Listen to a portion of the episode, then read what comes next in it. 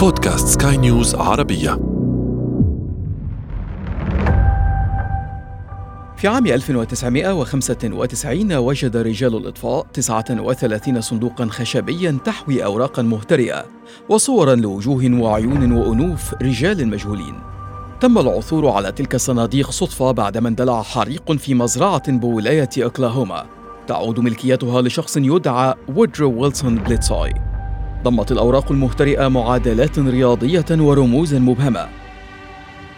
لاحقا تبين أن تلك الصناديق مثلت أولى محاولات تطوير تقنية ستصبح واحدة من أسرع التقنيات تطورا في القرن الحادي والعشرين وأوسعها استخداما بدءا من مطاردة الإرهابيين وصولا إلى تحديد هوية الأصدقاء في الصور على مواقع التواصل الاجتماعي. أهلا بكم.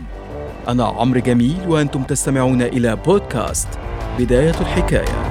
بداية الحكاية في ستينيات القرن الماضي مولت وكالة الاستخبارات الأمريكية مشروعا لوودرو ويلسون بليتسوي المعروف باسم وودي. مثل نواة مشروعات تقنية التعرف على الوجه. كان وودي هذا قد أثبت ذكاء حادا. حصل خلال مشاركته كجندي في الحرب العالمية الثانية على وسام النجم البرونزي. لابتكاره طريقة لإطلاق السفن البحرية الكبيرة المصممة لإنزال الشواطئ.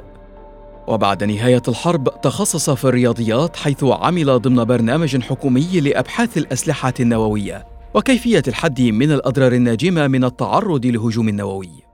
وفي عام 1960 أسس وودي شركة صمم من خلالها جهازا على شكل قلم للمكفوفين يستطيع من خلاله ترجمة مستويات الضوء إلى صوت وبعدها بثلاث سنوات بدأ وودي في العمل على تقنية التعرف على الوجه بتمويل من وكالة الاستخبارات الأمريكية. اعتمد وودي على استخدام الصور الثابتة ثنائية الأبعاد لقياس نقاط مختلفة من وجه الشخص. ونجح في وضع القواعد الأولى لتقنية التعرف على الوجوه برغم محدودية الموارد الحاسوبية آنذاك. وعلى مدار عقود ظلت تلك التقنية حلما يظهر في أفلام الخيال العلمي. لكن الواقع أن وزارة الدفاع الأمريكية كانت توظف أفضل العلماء والخبراء الجامعيين للعمل على تلك التقنية. وهو ما سمح لها في أوائل التسعينيات في إنتاج تقنية تمكنها من اكتشاف وتتبع المجرمين الذين عبروا الحدود بشكل خفي والبحث عنهم وسط مجموعات أوسع.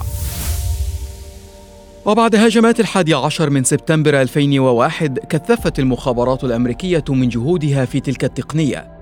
تم استخدامها في مدينة تامبا بولاية فلوريدا من قبل سلطات إنفاذ القانون للبحث عن المجرمين والإرهابيين بين حشود من المشاهدين. بعدها تم التوسع في مناطق حيوية عدة في الولايات المتحدة في تركيب أنظمة التعرف على الوجوه. تقنية توصف بأنها واحدة من أفضل ثلاث طرق للتعرف على الأشخاص من خلال علم وظائف الأعضاء أو التشريح. حيث تتفرد مقلة العين تماما كبصمة الإصبع بحيث لا يمكن تكرارها حتى بين التوائم كما تعتمد على القياسات الحيوية لرسم ملامح الوجه من خلال صورة أو فيديو ومقارنتها مع قاعدة البيانات المسجلة في جهاز ما أو لدى مؤسسة معينة. يمثل ذلك نقطة محورية في تلك التكنولوجيا، فبالإضافة إلى تطوير دقة التعرف على الوجه، يمثل عدد الوجوه الموجودة في قاعدة البيانات نقطة القوة الحقيقية لذلك النظام. أدى ذلك لتوسع دول عدة في استخدام تكنولوجيا التعرف على الوجه من الولايات المتحدة وأوروبا إلى الصين والهند. يعتقد الآن أن 75 دولة على الأقل على مستوى العالم تستخدم بنشاط تقنية الذكاء الاصطناعي لأغراض المراقبة، ومن تلك النظم نظم التعرف على الوجه. تتصدر الصين قائمة الدول المستخدمة لهذه التقنية، تليها الولايات المتحدة وعدد كبير من دول أوروبا. قاد ذلك عمالقة صناعة التكنولوجيا كآي بي إم ومايكروسوفت وحتى أمازون. على الدخول في منافسة شرسة للحصول على قطعة أكبر من كعكة تكنولوجيا التعرف على الوجه. والمتوقع أن تتجاوز سبعة وسبعة من عشرة مليار دولار بحلول عام 2022 لكن في المقابل أثارت التقنية أيضا مخاوف عند المدافعين عن الخصوصية. فزيادة حجم قواعد البيانات الآخذ في الازدياد في السنوات الأخيرة يعني مزيدا من الانتهاكات تبدأ من اختراق خصوصية المستخدمين وتصل إلى حد مراقبتهم. يقدر اتحاد الحريات المدني الأمريكي بأن قاعدة بيانات مكتب التحقيقات الفيدرالي توسعت لتصل إلى 640 مليون صورة. لكن المذهل كان التقرير الذي نشرته صحيفة نيويورك تايمز في يناير من عام 2020 وأوضح أن شركة أمريكية غير معروفة تدعى Clearview AI جمعت وحللت ثلاثة مليارات صورة من خلال مواقع التواصل الاجتماعي. أثار ذلك جدلا واسعا. أعلنت بريطانيا وأستراليا فتح تحقيق مشترك بشأن ما جمعته الشركة من بيانات شخصية عبر الإنترنت. بدأت المفوضية الأوروبية في دراسة حظر استخدام التقنية لمدة تصل لخمس سنوات في الأماكن العامة بالاتحاد الأوروبي. بل إنه حتى في الولايات المتحدة نفسها صوتت ولايات كسان فرانسيسكو على تشريع يمنع الشرطة من استخدام تقنية التعرف على الوجه. دخلت شركات التكنولوجيا على خط الأزمة بعدما تم توجيه اتهامات للشرطة الأمريكية باستخدام التعرف على الوجه لجمع ورصد وتحليل المشاركين في المظاهرات والاحتجاجات. وهو ما دفع هذه الشركات لتعليق بيع أنظمة التعرف على الوجوه للشرطة لحين إصدار الكونغرس لتشريعات واضحة بشأن استخدام تلك الأنظمة. واختراق الخصوصية ليس الانتقاد الوحيد الذي وجه لهذه التكنولوجيا.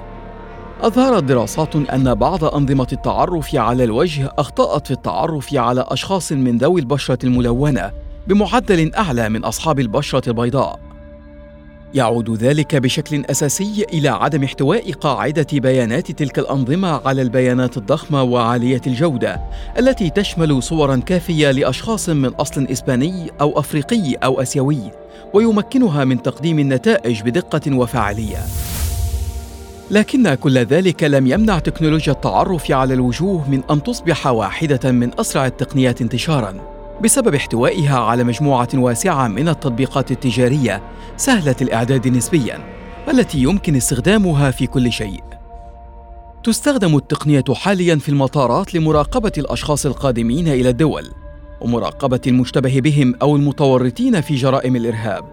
كما تستخدم أيضاً لتحديد هوية الأطفال المفقودين حيث تستخدمها دولة مثل الهند التي سجلت فقدان نحو 250 ألف طفل خلال السنوات الخمس الأخيرة. ما دفعها لإنشاء قاعدة بيانات تحتوي على صور للأطفال المفقودين. ونجحت بالفعل في التعرف على الآلاف منهم. يتم استخدام تكنولوجيا التعرف على الوجه أيضا للتعرف على المفقودين المصابين بمرض الزهايمر الذين لا يتذكرون بيوتهم ولا منازلهم. وفي الصين يتم استخدامها لتتبع الحضور المدرسي حيث لا يمكن للطلاب التوقيع بدلا من زملائهم. تستخدم التقنية أيضا لمنع الاحتيال المالي عبر استخدامها في البنوك والتطبيقات المالية وحماية الشركات من السرقة وحتى توقيع حضور وانصراف الموظفين وصولا إلى إلغاء قفل الهاتف المحمول باستخدام الوجه وحتى الإشارة للأشخاص في الصور التي تم تحميلها وغيرها الكثير. في عام 1995 اعتبر عالم الحاسوب والمهندس نيكولاس نيجروبونتي في كتابه Being Digital أن تقنية التعرف على الوجه حلما. وفي عام 2020 تحول الحلم إلى حقيقة يحمل أحد وجهيها انتهاكا لخصوصية وأمن البشر ويحمل الآخر إنجازات قد تسهل كثيرا من حياتهم.